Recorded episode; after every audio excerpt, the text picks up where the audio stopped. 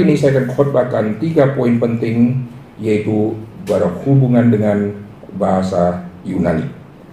Poin pertama yang saya akan bahas yaitu koinonia, poin kedua tentang marturia, poin ketiga tentang diakonia.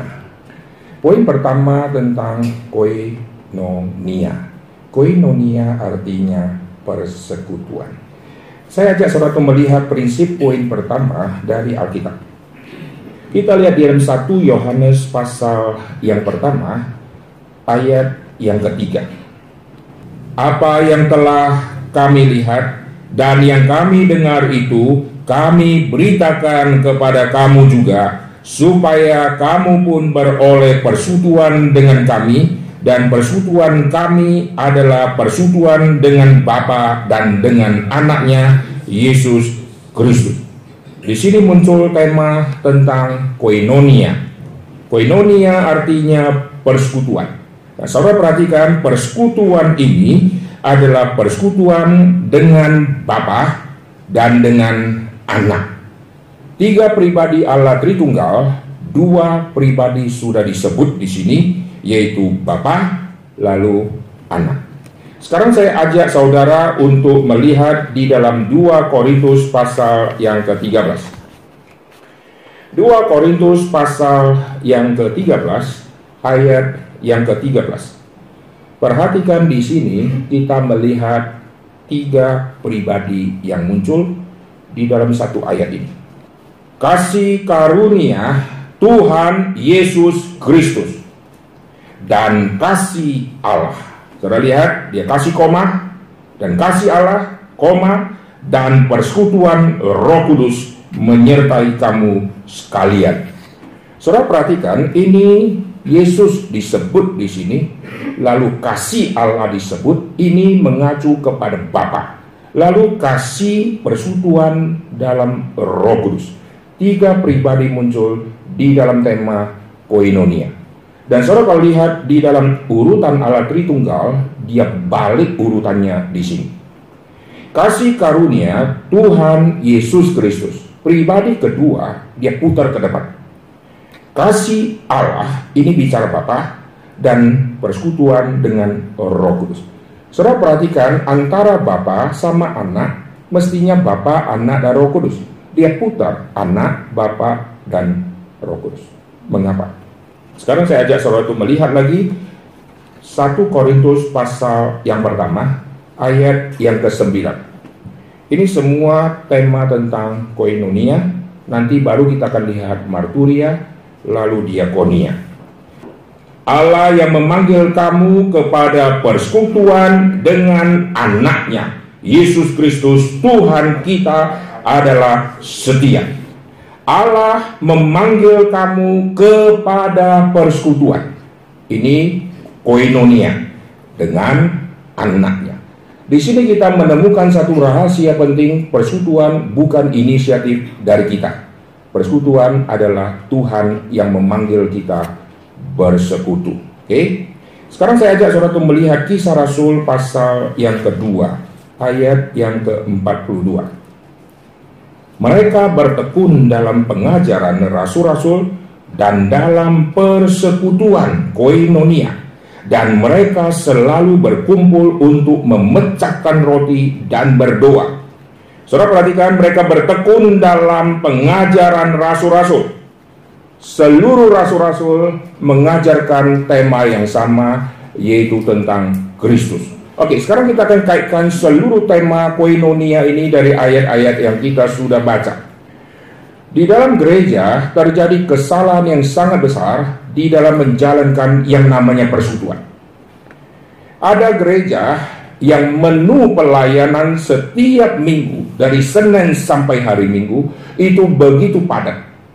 Begitu padat bukan berarti gereja itu sudah pasti melayani dengan maksimal Gereja yang jadwal pelayanan yang begitu padat, kalau kita perhatikan dengan teliti, mereka salah mengkelompokkan kelompok orang usiawan lalu dijadikan persekutuan.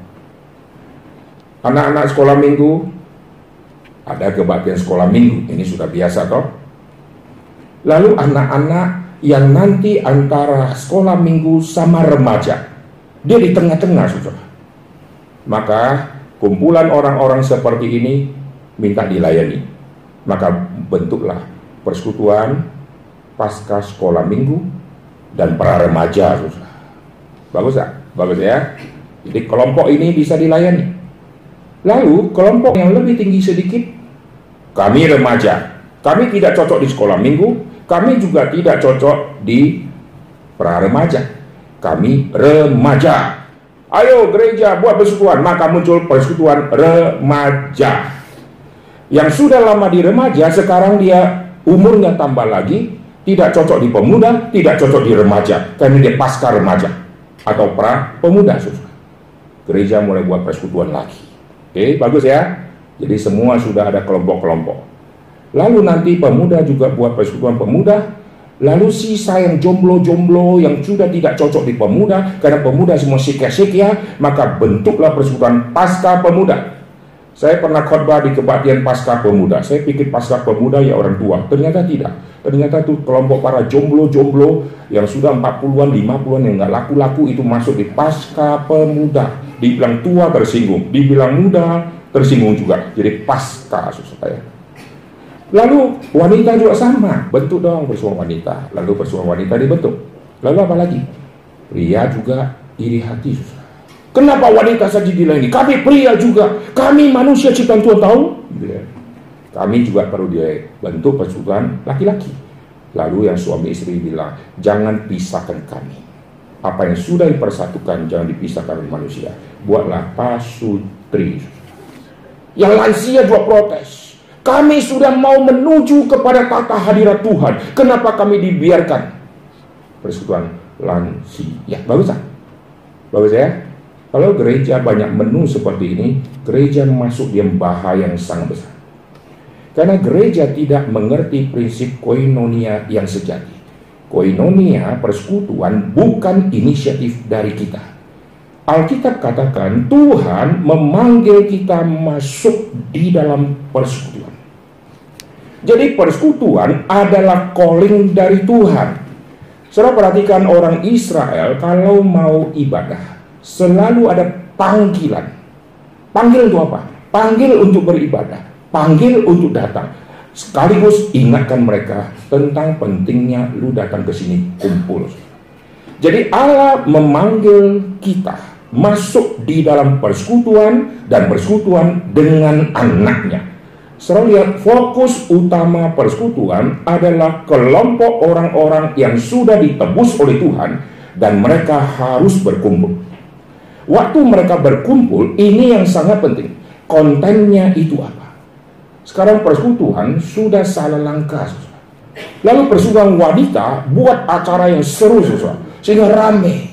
Nanti minggu pertama demo masak ibu-ibu yang suka masak apa lalu dia masak dia ajarin. Eh, pernah satu kali ada demo keahlian ibu-ibu. Jadi bukan demo masak demo keahlian. Dan ada ibu yang jago pangkas rambut karena dia buka salon. Aitar duduk. Aduh cilaka susah. Saya duduk dikeliling ibu-ibu susah Lalu dikelilingi ibu-ibu, lalu saya jadi kelinci percobaan. Jadi ini jambang, jambang ini cara potongnya begini, cek, cek, cek, cek, cek. supaya ibu-ibu pulang praktekin sama suaminya sehingga irit, nggak usah ke salon tuh. Jadi saya di situ piko-piko, saya dipotongnya rambutnya gitu ya, lalu dikeroyok sama ibu-ibu di samping, jadi kelinci percobaan. Nah itu persekutuan kah? Oh persekutuan, karena ada firman Tuhan, ada kebersamaan. Gereja sudah salah langkah di dalam tema persekutuan. Saya perhatikan persekutuan di dalam zaman gereja mula-mula.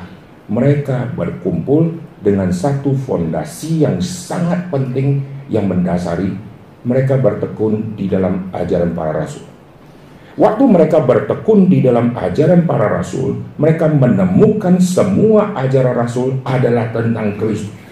Jadi, kalau kita lihat gereja dibangun di atas fondasi kekal, karena alam mau tidak akan menguasainya, maka fondasi gereja harus kekal. Kekal itu apa? Fondasi yang kekal itu apa? Yang pertama itu adalah Alkitab. Firman Tuhan dari PL sampai PB, firman Tuhan bernilai kekal, maka alam maut tidak akan menguasai yang kekal ini. Lalu gereja fondasinya adalah Kristus. Kristus kekal, maka gereja tidak akan ditelan oleh alam maut. Kalau gereja fondasinya Alkitab, firman Tuhan, dan Kristus, maka persekutuan fondasinya juga harus Alkitab dan Kristus. Karena persekutuan kita lihat ini adalah semacam tanda petik miniaturnya gereja di dalam zaman gereja mula-mula. Pada hari turunnya roh kudus itu hari jadinya gereja. Tapi tidak ada gedung saudara. Maka wujud dari persekutuan perkumpulan orang-orang percaya yang tanpa gedung itulah yang disebut persekutuan. Maka suruh perhatikan di dalam persekutuan zaman gereja mula-mula mereka seolah-olah lakukan semua kegiatan yang seperti di gereja Tuhan. Di dalam persekutuan gereja mula-mula apa yang mereka lakukan? Mereka memecahkan roti. Ini perjamuan kudus. Dan zaman sekarang setelah gedung gereja ada, persekutuan tidak boleh adakan perjamuan kudus. Tapi kenapa di gereja mula-mula persekutuan adakan perjamuan kudus?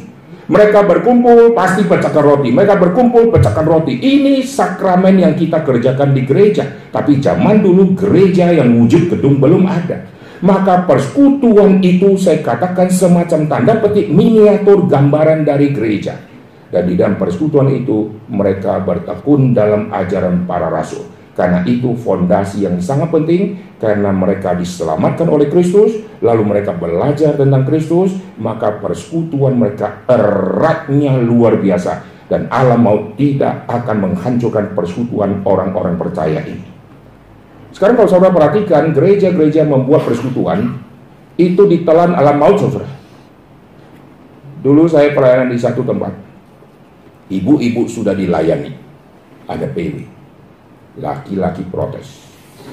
Kami suami-suami sudah kerja, kami perlu dibekali.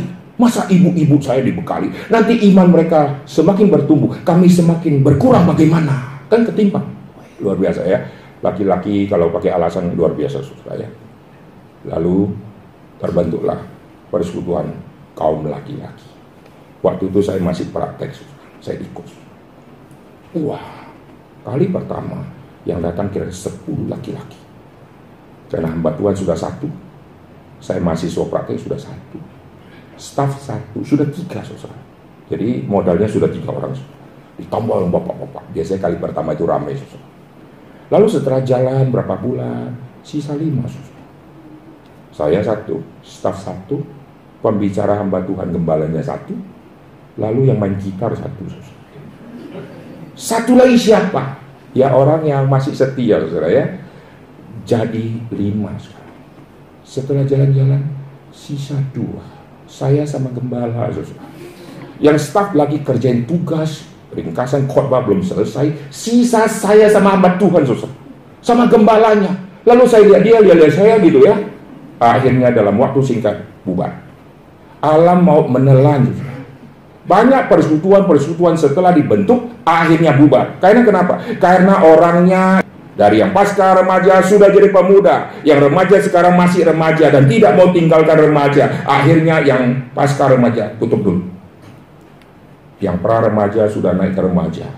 Wah, kelompoknya sudah ada di situ. Yang sekolah minggu lalu pindah ke pra remaja cuma tiga orang. Akhirnya pra remaja sementara digabung sama remaja dulu. Akhirnya tutup lagi.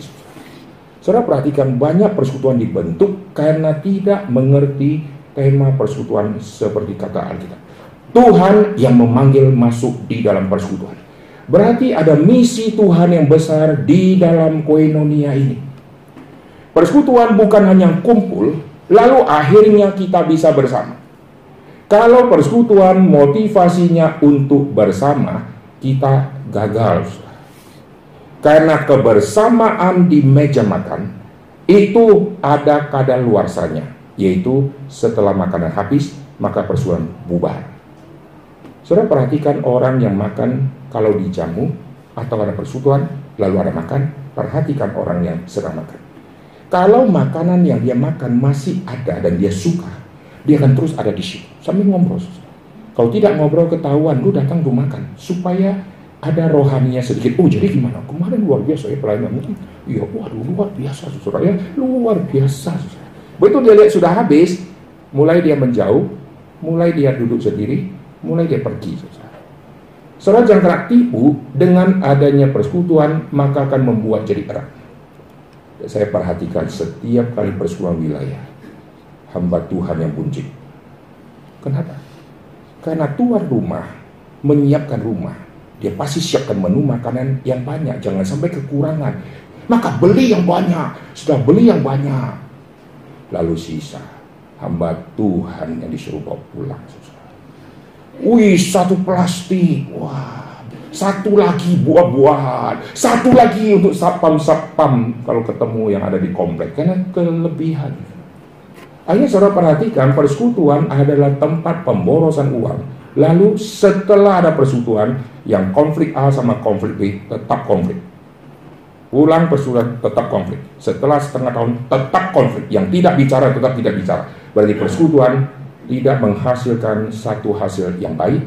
Yang dihasilkan hanya bisa kumpul makan bersama di satu meja, tapi musuh tetap musuh, bahkan musuh yang satu dengan yang lain yang tadinya satu sama satu hanya dua sekarang jadi tiga karena dia persekutuan ada pengurus yang bawa anak. Lari sini loncat sini loncat sini loncat sini. Rias lalu yang punya rumah juga punya anak. Oke anak-anak semua ayo ayo ayo anak-anak ke loteng main di kamar ya. Semua berah.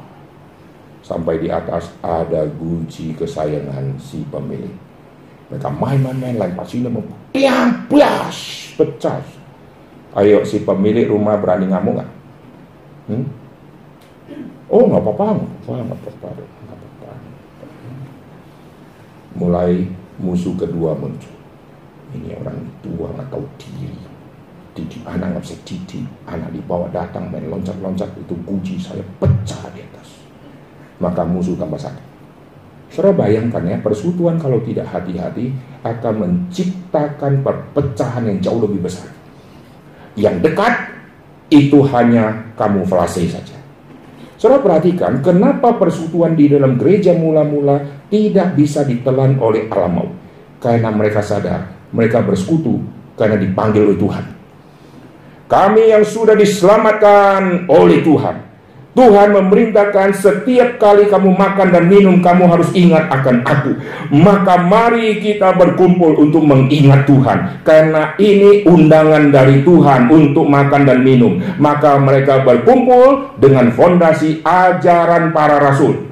Sekarang persekutuan ajaran para rasul sudah tidak dikhotbahkan. Yang ada demo sini, demo masa ini, itu, ini, itu. Lalu show saya bisa masak ini, saya ini, saya bawa pulang dari Paris ini makanan enak. Ayo saling membagi, saling membagi. Akhirnya pengenalan tentang firman Tuhan tidak pernah bertambah-tambah di dalam koinonia. Saudara perhatikan koinonia waktu muncul ayat-ayat kita baca, ini memunculkan tema Allah Tritunggal di dalamnya. Allah memanggil kamu di dalam koinonia dalam Kristus. Maka kita lihat urutan Allah Tritunggal tadi dia balik Mestinya Bapa, Anak, dan Roh Kudus, saudara perhatikan di dalam tulisan Paulus, Paulus suka membalik-balik ini. Dan setiap kali dia balik ada rahasia yang penting. Kenapa dia balik Kristus menjadi yang dulu, lalu Bapa, lalu Roh Kudus? Karena melalui Kristus kita mengenal Bapa, melalui Kristus kita mengenal Roh Kudus. Maka kunci utamanya bawa persekutuan di dalam Kristus. Karena kasih Kristuslah yang mempersatukan dan Kristus kepala persekutuan. Kristus kepala gereja. Sebelum ada gereja yang fisik, maka persekutuan itu dibentuk. Dan kepala persekutuan bukan rasul. Kepala persekutuan adalah Kristus. Sampai nanti wujud gereja yang fisik muncul, kita melihat ada gembala sidang. Kalau di dalam Alkitab ada pejabat-pejabat gereja, ada orang-orang penting, ada penatua, lalu ada rasul yang mempunyai otoritas tinggi. Tapi kepala dari sinagog, kepalanya bukan pemimpin sinagog. Kepalanya adalah Kristus. Jadi sebelum ada gereja fisik, kita melihat gereja non fisik, kepalanya Kristus. Kalau begitu semua persekutuan kepalanya adalah Kristus. Kalau kepalanya adalah Kristus, maka untuk mengenal kepala harus bertekun di dalam ajaran para rasul. Karena rasullah yang menjelaskan siapakah Kristus yang sejati itu. Nah sekarang kita kembali untuk kita melihat. Jadi waktu urutan ini dibalik, Yesus mesti yang utama di dalam koinonia. Baru kita mengenal siapakah yang namanya Bapa, siapakah yang namanya Roh Kudus. Dan persekutuan akan membawa setiap orang bersekutu semakin menyelami Allah Tritunggal. Lalu perhatikan di sini setelah kita bicara koinonia berkumpul, berkumpul dengan ajaran para rasul, maka muncul tema kedua yaitu tentang bersaksi. Tema kedua ini sangat penting. Saudara perhatikan di dalam satu Yohanes tadi, mereka berkumpul. Berkumpul bukan karena tawaran makanan, bukan karena rumah dekat. Mari kita lihat. Satu Yohanes pasal yang pertama, lihat ayat yang ketiga. Ini rahasia yang sangat dalam. Apa yang telah kami lihat, yang telah kami dengar, kami beritakan kepada kamu. Kesulitan besar di dalam diri orang Kristen, yaitu sudah melihat, sudah mendengar. Mulut ini pasif dan bisu. Jadi persekutuan ini tempat sasaran untuk mengkumpulkan semua orang-orang bisu itu, saudara. Semua orang sudah melihat, sudah, sudah percaya Yesus. Mata sudah melihat kemuliaan Tuhan. Telinga sudah mendengar firman Tuhan terbaik. Tapi mulut belum pernah bisa berkata-kata maka persekutuan mempunyai satu misi yang sangat besar, yaitu mengaktifkan semua mulut. Mata sudah melihat, itu telah. Lalu, mulut belum. Telinga telah mendengar. Mata telah. Mulut yang paling susah. Saudara perhatikan, di dalam persekutuan ada ajaran rasul. Telah dengar. Oh kesaksian-kesaksian zaman Yesus hidup sudah melihat. Itu semua sudah pasten saudara, sudah lewat semua. Lalu yang masih di depan, mulut mesti bersaksi. Maka saudara perhatikan, satu Yohanes pasal 1 ayat ketiga ini, kami telah melihat, kami telah mendengar. Kami beritakan kepada kamu. Perhatikan apa yang diberitakan oleh orang-orang zaman di dalam Alkitab ini. Mereka melihat, mereka mendengar, lalu mereka memberitakan. Waktu mereka beritakan, isi berita ini semua tentang Kristus. Lalu isi berita tentang Kristus setelah mereka mendengar, mereka akan dipanggil masuk ke dalam persekutuan dengan anaknya. Coba lihat. Supaya kamu beroleh persekutuan dengan kami, persekutuan kami adalah persekutuan dengan Bapa dan dengan anaknya. Jadi panggilan masuk di dalam persekutuan adalah panggilan yang sangat mulia. Dari orang-orang yang sudah mendengar, sudah melihat, maka mereka bersaksi. Maka kita akan melihat nanti tema kesaksian di dalam Alkitab ini tema yang sangat penting luar biasa. Setelah bersekutu, mulut-mulut yang masih bisu ini sekarang mesti diaktifkan. Maka persekutuan mesti menyusun semua program untuk mengaktifkan mulut yang bisu. Kita menarik orang masuk di dalam persekutuan bukan tawaran rumah dekat. Di sini ada temanmu, teman baikmu, ayo datang. Oh, di sini ada makanan enak. Tidak, saudara. Tapi tawaran untuk memanggil mereka masuk di dalam persekutuan itu undangannya adalah Kristus yang dikabarkan. Setelah Kristus dikabarkan, maka kita melihat Allah mengundang orang ini masuk di dalam perjamuan. Saudara nanti melihat di dalam kitab Wahyu ada undangan masuk di dalam perjamuan dengan anak domba Allah. Jadi kita masuk di persekutuan, kita masuk di perjamuan, kita masuk di dalam undangan yang sangat mulia. Persekutuan adalah undangan dari Tuhan. Amin. Tuhan memanggil kita masuk di persekutuan. Dan setelah itu Tuhan memanggil kita untuk bersaksi. Nah, sekarang kita akan masuk di dalam poin yang kedua tentang bersaksi. Saya ada catat semua tema-tema penting ini dari mulut Yohanes. Lihat di dalam kitab 1 Yohanes pasal yang kelima ayat yang kesembilan. Yohanes adalah rasul yang beda dengan semua rasul yang lain. Karena dia satu-satunya rasul yang ada di bawah salib. Yang lain semua melarikan diri. Maka pengertian dia melampaui semua. Dan dia satu-satunya yang dengar khotbah selalu di dekat Yesus. Yang lain agak jauh yang di dekat akan dengar meskipun nada Yesus kecil dia orang yang akan tangkap duluan nada Yesus besar dia tangkap lebih jelas lagi susah sedangkan yang duduk di jauh perlu nada Yesus yang agak besar baru dia tangkap nada Yesus agak kecil dia dengar samar-samar tapi Yohanes orang luar biasa maka tulisan Yohanes berbeda dalamnya dengan banyak rasul yang lain Mari kita lihat di dalam 1 Yohanes pasal yang kelima ayat yang ke-9.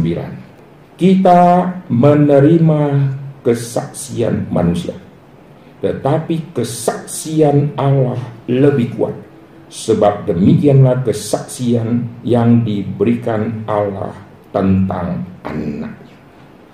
Jadi Allah yang memulai persekutuan dengan memanggil kita masuk yang persekutuan dengan anaknya.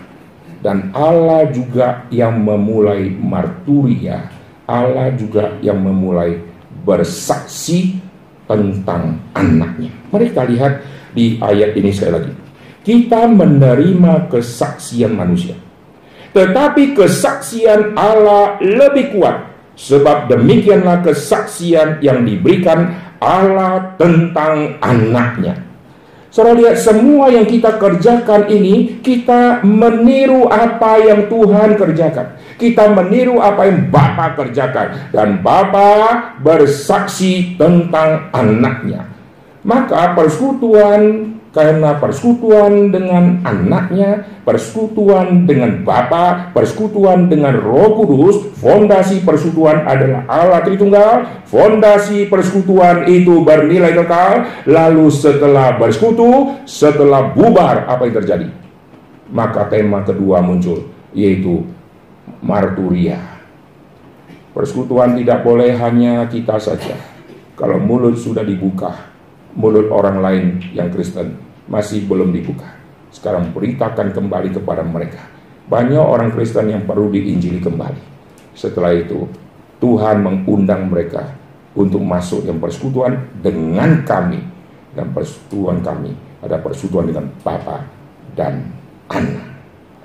Saudara bayangkan ya, jadi kita dipakai oleh Tuhan menjadi satu wadah menampung semua undangan-undangan yang Tuhan sudah kirim kepada semua orang. Jadi Tuhan mengundang si A, si B, si C, si D untuk gabung bersama dengan persekutuan kami.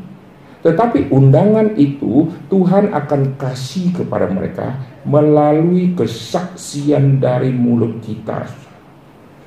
Dan kesaksian kita harus berfondasi kepada kesaksian Allah Bapa tentang anak. Jikalau kita menerima kesaksian manusia, lebih lagi kita harus menerima kesaksian dari Allah. Jadi persekutuan itu bukan menyaksikan semua dongeng-dongeng. Persekutuan menyaksikan Tuhan bersaksi tentang anaknya. Kesaksian berarti kita menceritakan tentang anaknya. Lalu perhatikan semua kesaksian-kesaksian itu motivasi kesaksian sama isi kesaksian itu banyak penipuan. Di dalam kesaksian kalau tidak hati-hati itu jadi kesaktian. Karena kecenderungan orang menambah-nambahi supaya jadi seru. Saudara kalau misalnya saksi mata yang melihat orang terjun bebas dari apartemen bunuh diri. Contoh ya, saudara sedang diliput. Saudara hanya melihat satu detik, dua detik, tiga detik, terus selesai. Saudara tanya, Tadi Bapak melihat dia jatuh, iya, waktu saya melihat pertama dia buka jendela, pasti toh. Padahal itu dia nggak lihat, tapi dia tambahin Waktu dia buka jendela, lalu dia, uh, jendela lalu dia buka itu, itu sisi slidingnya setengah atau bukan seluruh. Wah, orang mulai bingung. Uh, saya lihat tanya mungkin setengah, mungkin setengah gitu ya, mulai bohong dia. Lalu saya melihat langkah kaki kanan dulu, dia manjat dengan kaki kanan dulu. Lalu habis itu dia agak berhenti sebentar. Lalu mungkin dia doa, mungkin apa, nggak tahu pokoknya. Setelah itu dia mulai loncat, saudara. Lalu nanti dia diwawancara lagi oleh uh, misalnya berita yang lain. Dia harus tambah-tambahin lagi supaya seru. Masa sama? Ditambahin lagi. Jadi waktu dia loncat, itu ada kesangkut sedikit. Nggak tahu apa itu. Itu saya ada kabel. Mungkin kesangkut di kabel. Ditambah-tambahin, saudara. Padahal dia lihat hanya tuh, jatuh selesai. Kesaksian juga sama. Saudara kalau bersaksi itu hati-hati. Tapi kalau kita bersaksi tentang Kristus, kita tidak bisa nambah-nambahi saudara. Karena kita mengerti Kristus dari Alkitab. Siapa yang berani tambah-tambahi Alkitab saudara? Tidak bisa saudara. Maka kesaksian kita akhirnya diikat dengan kesaksian yang benar. Bukan kesaksian manipulasi. Sekarang kita kembali setelah perkumpulan persekutuan ini dengan motivasi yang sudah benar, sekarang persekutuan ini akan menghidupkan mulut-mulut yang bisu tadi untuk sekarang mulai bersaksi. Jikalau persekutuan berhasil, maka setiap kali bubar persekutuan, maka utusan Injil muncul. Tapi ternyata setiap kali persekutuan, tetap mulut memang buka, tapi kunyah.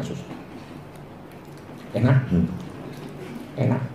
Karena saking banyak makanan, nggak bisa ngomong lagi. Hmm, hmm, hmm, ah, hmm, ya, ah, nggak bisa lagi. Sus mestinya mulut mesti dikosongkan lalu lidah dibakar supaya memberitakan apa yang harus disaksikan. Lalu lihat Tuhan bersaksi. Bapa bersaksi tentang anak. Jadi fokus pemberitaan Bapa di dalam marturia itu adalah tentang anak. Sekarang saya ajak saudara untuk melihat di pasal yang kelima.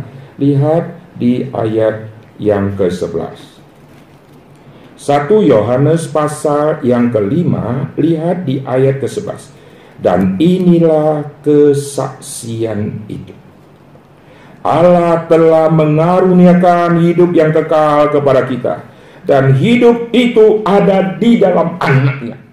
Jadi kembali lagi ke anak, kembali lagi ke anak, kembali lagi ke anak. Kenapa? Karena anak itu kepala persekutuan. Anak itu kepala gereja, anak itu yang menjadi fokus inti di dalam pemberitaan, di dalam persekutuan. Anak itu menjadi fokus penting di dalam marturia.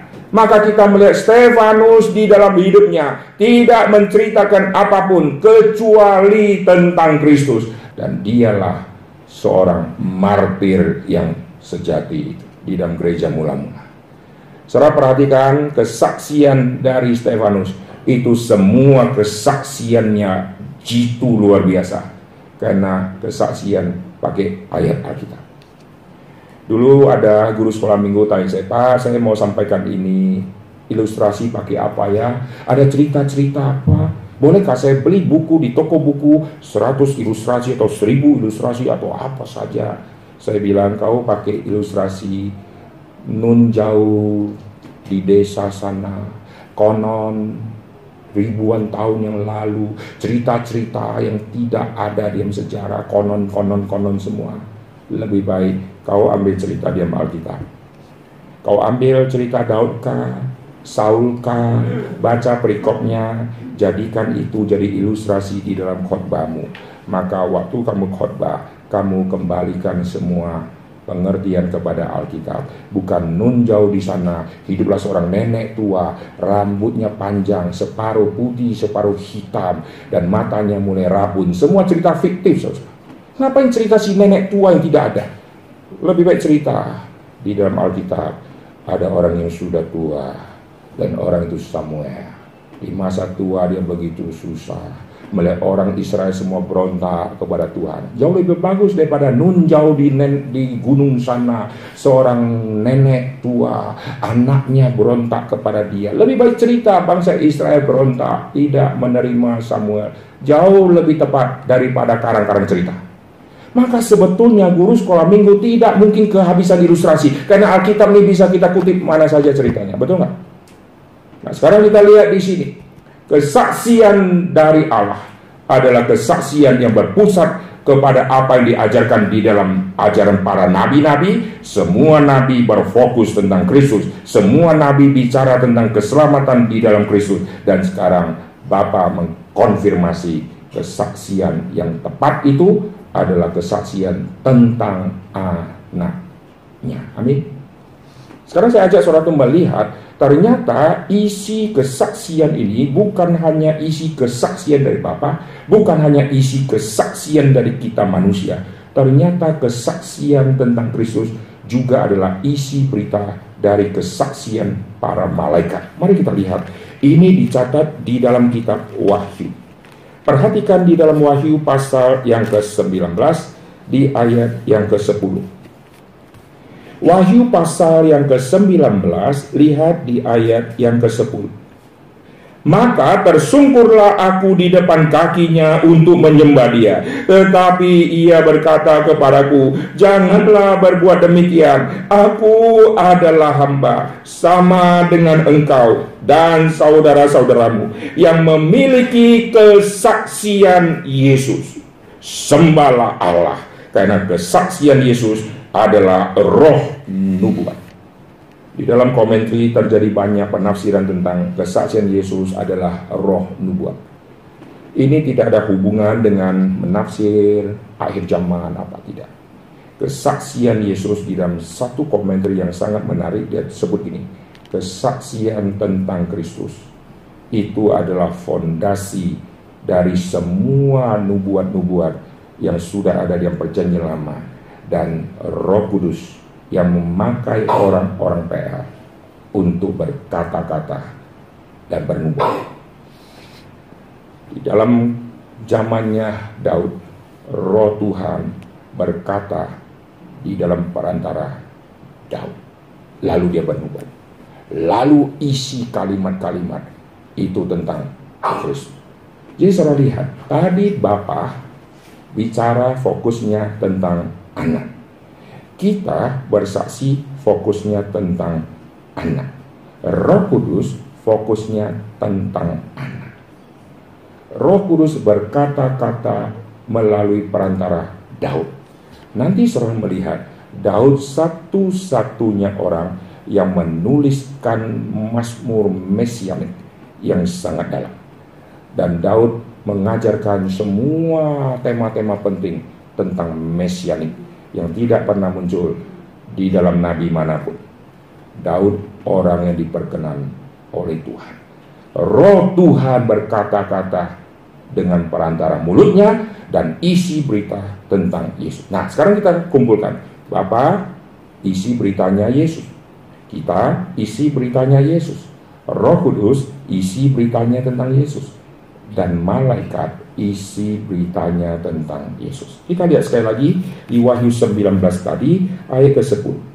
Tersungkurlah aku di depan kakinya untuk menyembah dia Tetapi ia berkata Jangan berbuat demikian Aku adalah hamba sama dengan engkau Dan saudara-saudaramu Yang memiliki kesaksian Yesus Selalu lihat di dalam dunia Allah Tritunggal Fokusnya adalah Kristus Persekutuan di dalam Allah Tritunggal. Kita melihat persekutuan yang indah luar biasa. Dan persekutuan di dalam dunia ini persekutuan yang harus indah luar biasa. Karena background dari persekutuan kita adalah miniatur mengkutip semua persekutuan yang diadakan di dalam dunia roh. Yaitu di dalam diri Bapa, Anak, dan Roh Kudus dan persekutuan di dalam diri Allah Tritunggal, persekutuan yang dari kekal sampai kekal. Alam maut tidak akan merusak dan persekutuan kita diam dunia, alam maut sering merusak karena fondasinya tidak memakai yang kekal. Malaikat membicarakan satu rahasia bahwa isi dari berita adalah Kristus dan kita semua adalah hambanya Kristus. Dan malaikat konfirmasi dia hambanya Kristus. Berarti seumur hidup meninggikan tuannya. Amin. Maka kita lihat semua orang yang disebut mati syahid selalu alasannya karena kabarkan Yesus. Tidak ada encim-encim makan di bakso lalu ditembak mati lalu muncul kalimat ibu ini mati syahid. Ada. Seorang naik mobil dengan kecepatan tinggi lagi mau jemput teman, buat tabrakan masuk koran. Bapak ini luar biasa sekarang sudah mati syahid. Nggak ada itu saudara. Semua tema martir mati syahid semua temanya adalah demi Injil Kristus mereka mati.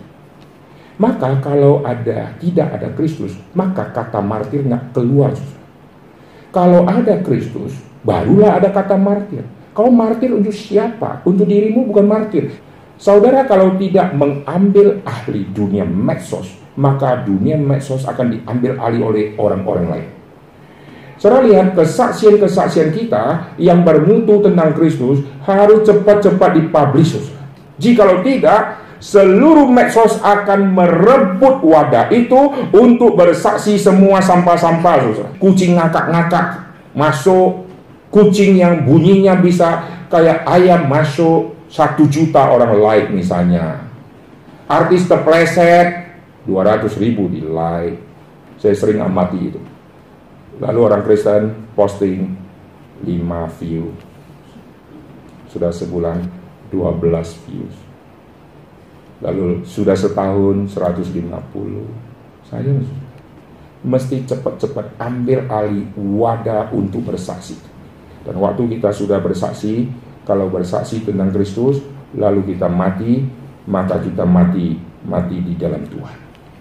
Sekarang kita kembali, semua martir-martir mereka bisa disebut martir karena ada Kristus di dalam isi berita. Misionaris datang, orang bule datang, mati tenggelam, gitu kan? Yang bule-bule mati tenggelam tidak disebut kau mati syahid, kau mati selancar. Tapi bule yang lain datang bawa Alkitab masuk ke pedalaman, lalu ditombak di situ. Bule ini mati syahid. Tidak ada orang yang mati selancar di Indonesia, lalu dibuat makamnya, lalu ratusan tahun kemudian orang datang, lalu di depan batu nisan merenung dia. Luar biasa datang ke Indonesia, mati di laut Indonesia. Luar biasa. Tidak ada itu. Yang ada kita datang ke satu kuburan, di batu nisan ada tulisan nama orang kita merenung Tuhan mengirim hambanya datang waktu Indonesia masih pelosok dan masih kanibal sekarang Indonesia sudah maju. Tuhan mengirim hambanya mati syahid. Tidak ada orang selancar-selancar sama-sama bule susah diingat sepanjang zaman Tidak ada. Kenapa mereka bisa diingat? Karena isi berita mereka. Amin. Sekarang isi berita di medsos. Semua banyak sampah. Saudara yang suka posting WA, WA, WA itu bertobatlah susah. Ada yang sudah posting panjang, baca-baca, read more, more, sampai ke bawah. Maaf, hoax. Oke, sekarang kita lanjut ya. Yaitu pertama tentang koinonia, lalu marturia, lalu sekarang diakonia. Gereja banyak salah di dalam tiga poin ini. Jikalau tiga poin penting ini gereja salah, maka gereja akan sulit diberkati. Kenapa?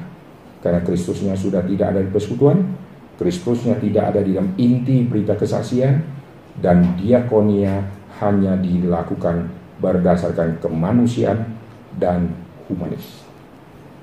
Di dalam Alkitab, diakonia tidak pernah dikaitkan dengan humanis, meskipun ada berhubungan dengan human tapi tidak humanis. Kita melakukan sesuatu backgroundnya teosentris. Kenapa kau berbuat baik? Saya berbuat baik karena Kristus sudah melakukan yang terbaik untuk saya. Saya mengaplikasikan perbuatan baik Kristus yang saya alami. Sekarang saya berbuat baik. Teosentris. Saudara perhatikan diakonia itu harus teosentris. Jikalau tidak teosentris, maka gereja akan disetir oleh orang-orang yang tidak bertanggung jawab. Jikalau kita tidak lagi kembali kepada teosentris, maka gereja punya dana bertriliun pun akan habis. Yesus berkata orang miskin akan selalu bersama dengan kami. Saudara perhatikan, Yesus punya bendahara yaitu Yudas Iskariot yang pegang semua kas. Perhatikan kapan Yesus diakonia. Oke, saya tidak bahas itu panjang lebar. Surat amat. Yesus kapan diakonia? Kalau begitu, apakah Yesus tidak diakonia? Tidak, saudara. Karena diakonia di dalam Alkitab melampaui apa yang orang-orang awam pikirkan. Nah, sekarang kita akan masuk untuk melihat kunci dari diakonia yang sejati.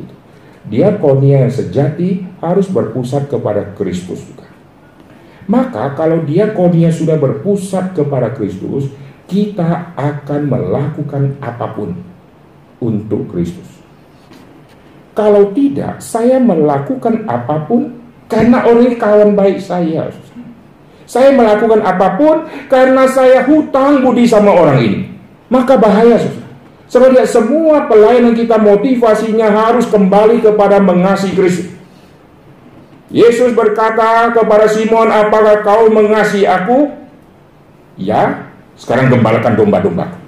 Kalimat ini tidak boleh baik. Maka saya menemukan prinsip penginjilan yang sangat luar biasa. Motivasi penginjilan bukan mengasihi jiwa.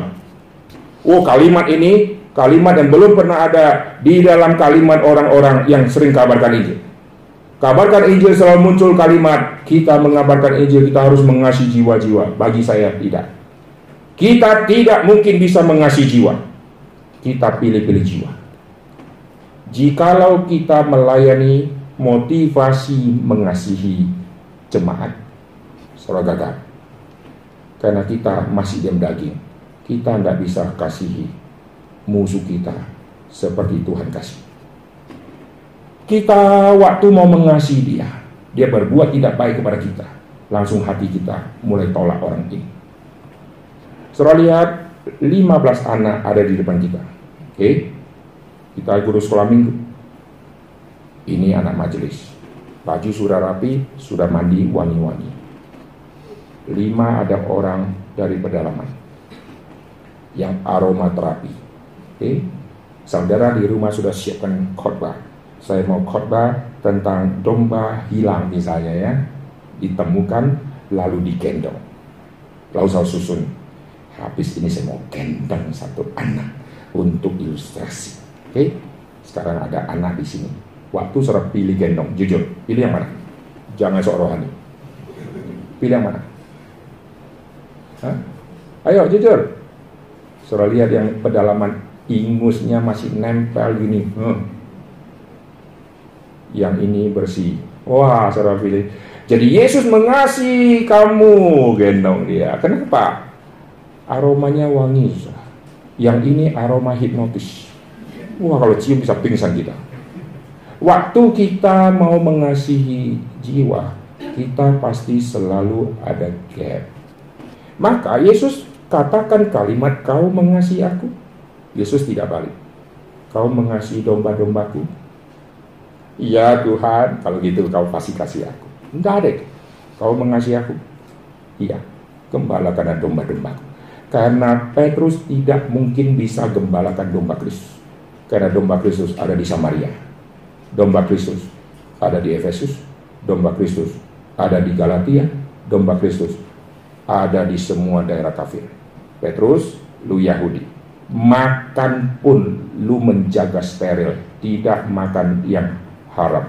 Kalau tidak makan yang haram, kau pasti tidak mungkin bicara sama orang haram. Kau tidak mungkin akan tidur di rumah orang haram. Kau mengasihi jiwa, kau gagal mengasihi jiwa. Jiwa yang kau kasih sesama Yahudi. Kau gagal mengasihi Yunani. Kau mengasihi aku, jikalau ia gembalakan domba-dombaku. Domba-dombaku ada di Yunani. Amin. Jikalau motivasi penginjilan kita clear, maka saudara akan menerobos sampai ke wilayah mana pun. Tidak mungkin saudara tergoncang lagi. Tapi kalau motivasi penginjilan mengasihi jiwa, saudara akan pilih-pilih kota-kota. Saya dari dulu berdoa Tuhan kasih saya motivasi yang benar itu. Sehingga saya bisa terobos masuk ke tempat mana pun yang saya rasa saya tidak mungkin mengasihi orang seperti ini karena saya tidak mungkin bisa tapi karena motivasi aku mengasihi Tuhan. Tuhan kenapa kasih orang itu? Kenapa Tuhan kasih? Maka aku pun harus belajar mengasihi. Barulah bisa berjalan dengan baik. Maka saya sering berkata kepada jemaat saya layani. Tuhan sudah cipta kita seperti ini. Tidak ada alasan kita tidak melayani orang yang bau-bau. Loh, maksudnya apa? Apa hubungan Tuhan cipta kita begini dengan tidak ada alasan kita melayani yang bau-bau? Tuhan cipta kita bisa nafas dua cara. Ini penemuan saya, sus. Kenapa dua cara? Cukup satu cara manusia hidup. Tuhan cipta manusia nafas dengan hidung, nafas dengan mulut. Saudara berkata, oh keunggulan nafas mulut. Yaitu untuk orang berenang, karena hidung disumbat. Gitu tak? Bukan untuk berenang. Saudara. Keunggulan yang sangat penting. Kenapa Tuhan cipta manusia bisa nafas dua cara. Satu pakai hidung, satu pakai mulut. Untuk penginjilan. Yang pakai hidung untuk orang yang aroma wangi. Nafas dengan mulut untuk aroma hipnotis itu semua. Maka kalau seorang melayani orang yang aroma terapi itu, saudara setel, cep, nafas mulut. Adik, apa kabarnya? Tapi latihan, saudara. Adik, apa kabarmu? Ketahuan, saudara, latihan. Adik, sini. Nafasnya sekarang sudah pakai mulut. Mesti latihan. Berarti Tuhan cipta manusia dengan dua cara nafas. Maka untuk menjangkau semua kalangan manusia. Amin. Jikalau tidak kita setengah hati, adik, gimana kabarmu? Malu-maluin. Lalu saudara mendoakan orang di rumah sakit juga pakai nafas mulut. Ketemu pasien, waduh cilaka. Suster semua bekap, dokter bekap, Lalu kita tanya, sakit apa sih? Dia diabetes, kakinya tuh sudah bernanah, udah bau busuk. Kami ketemu sama dia saja keluar mesti cuci tangan. Lalu sekarang gila dapat giliran kita masuk ke kamar dia. Ayo, ayo, kasih jiwa. Ayo, masuk nak, masuk nak. Begitu ketemu langsung hati lemas. Saudara. Kenapa? Kita nggak sanggup mengasih jiwa. Tuhan kasih saya kemampuan untuk bicara sama orang itu. Kalau saya pakai masker maka Injil nggak masuk.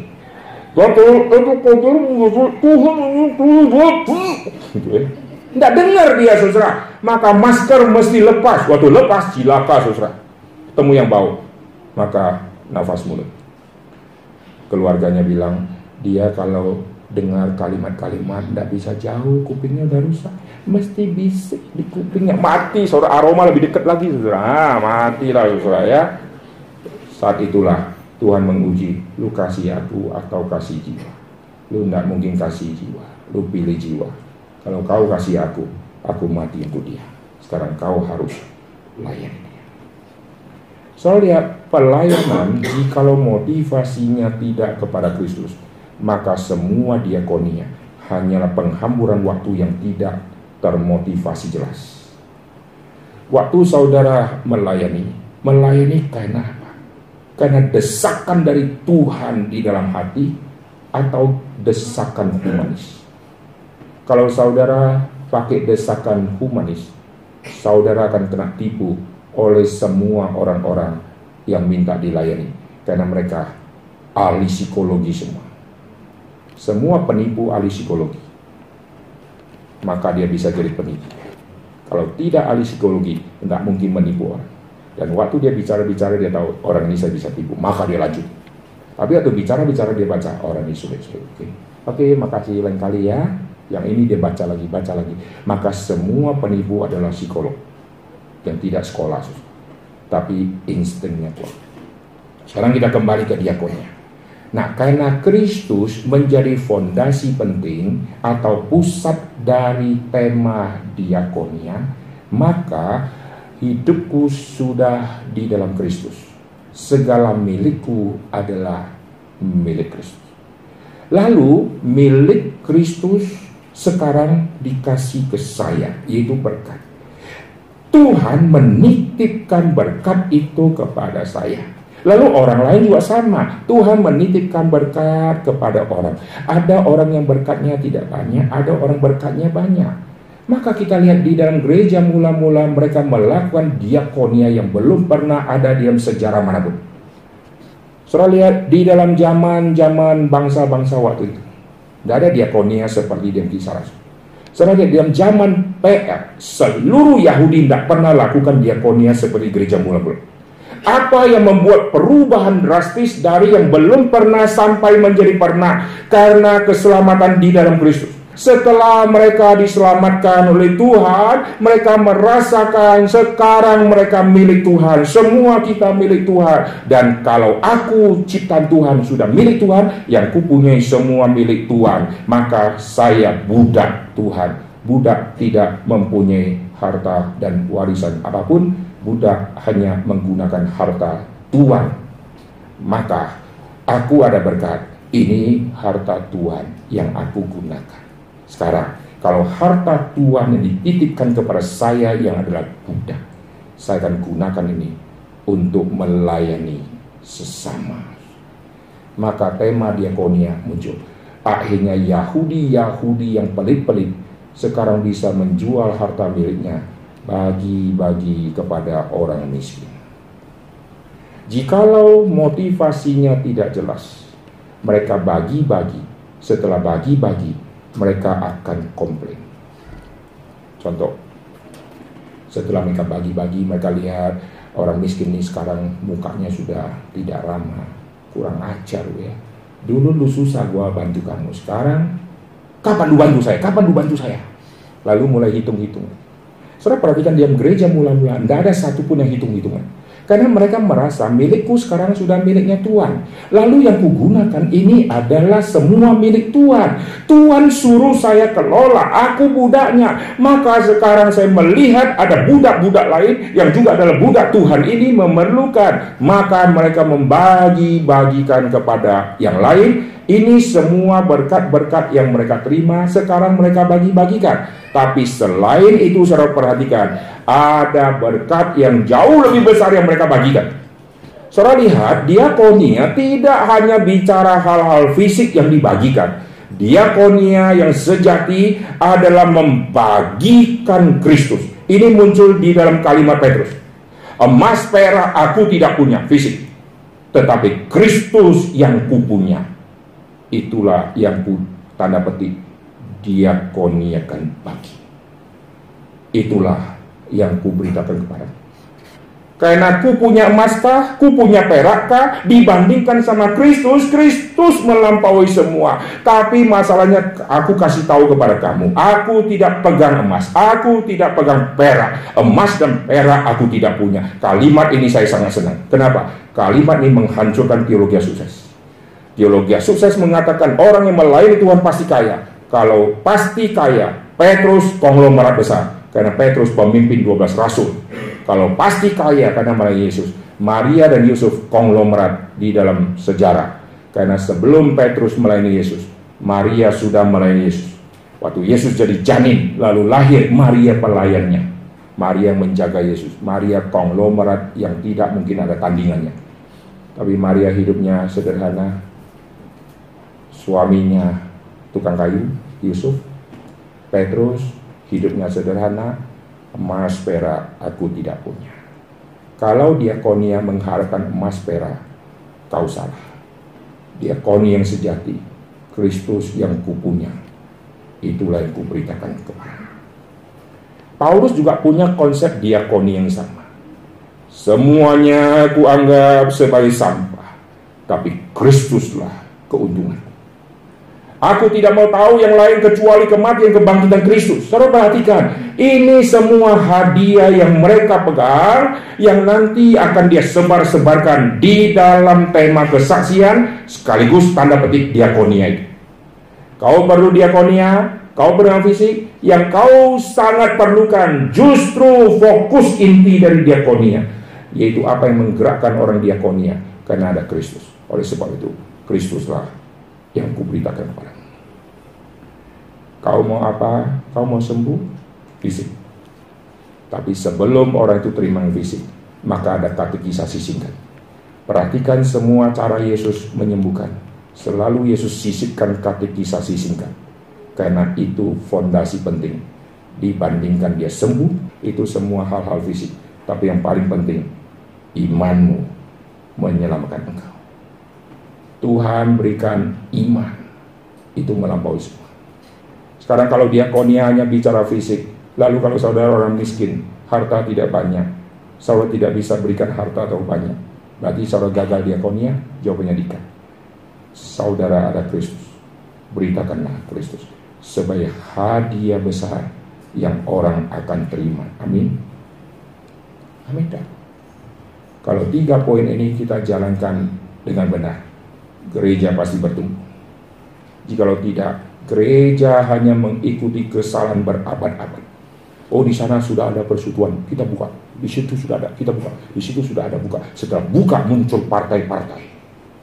Persekutuan A ada bendaharanya, ada ketuanya. Persekutuan B bendaharanya, ada ketua. Sehingga dia gereja ada 18 ketua. Ketua satu benci, ketua dua benci, benci, benci. Akhirnya mulai pecah. Mengerikan. Kita lihat diam gereja mula-mula persekutuan bukan menimbulkan satu perpecahan, tapi persekutuan menimbulkan satu perkembangan yang sangat besar. Tuhan menambahkan jumlah murid dan setiap hari mereka terus bertambah. Kenapa? Persekutuannya sudah benar, marturiannya sudah benar, lalu diakoniannya sudah benar. Dan mereka melakukan dari hati yang bersyukur karena mereka semua status menjadi hamba. Kalau hamba, tidak ada hamba yang lebih kaya, hamba yang lebih miskin. Semua hamba tidak ada jenjang, lu lebih kaya, lu lebih tingkat tinggi, saya hamba level rendah. Ada, semua hamba satu level. Maka di dalam Kristus tidak lagi ada perbedaan kaya dan miskin. Amin. Semua kita sama. Harap kita dipakai oleh Tuhan dan kita mulai mengerti dan menjalankan tiga prinsip tema ini yaitu koinonia, marturia, dan diakonia. Mari kita berdoa.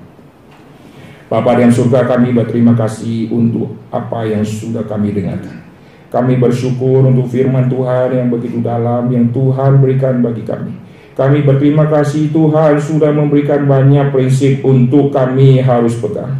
Tetapi setelah berabad-abad, Gereja-gereja melakukan banyak kesalahan.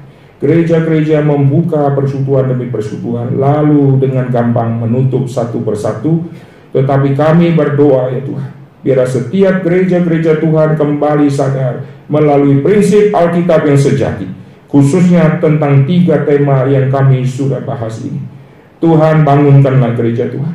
Tuhan beri pertumbuhan yang sejati. Dan Tuhan ingatkan kami sekali lagi ya Tuhan untuk kami semakin hari semakin lebih memfokuskan diri kepada inti berita yang sejati di dalam Kristus. Terima kasih Tuhan, berkatilah jemaat Tuhan di tempat ini. Berkatilah saudara-saudara kami yang Tuhan pakai di mana pun mereka melayani Tuhan. Dengar doa kami. Dalam nama Tuhan Yesus, kami berdoa. Amin.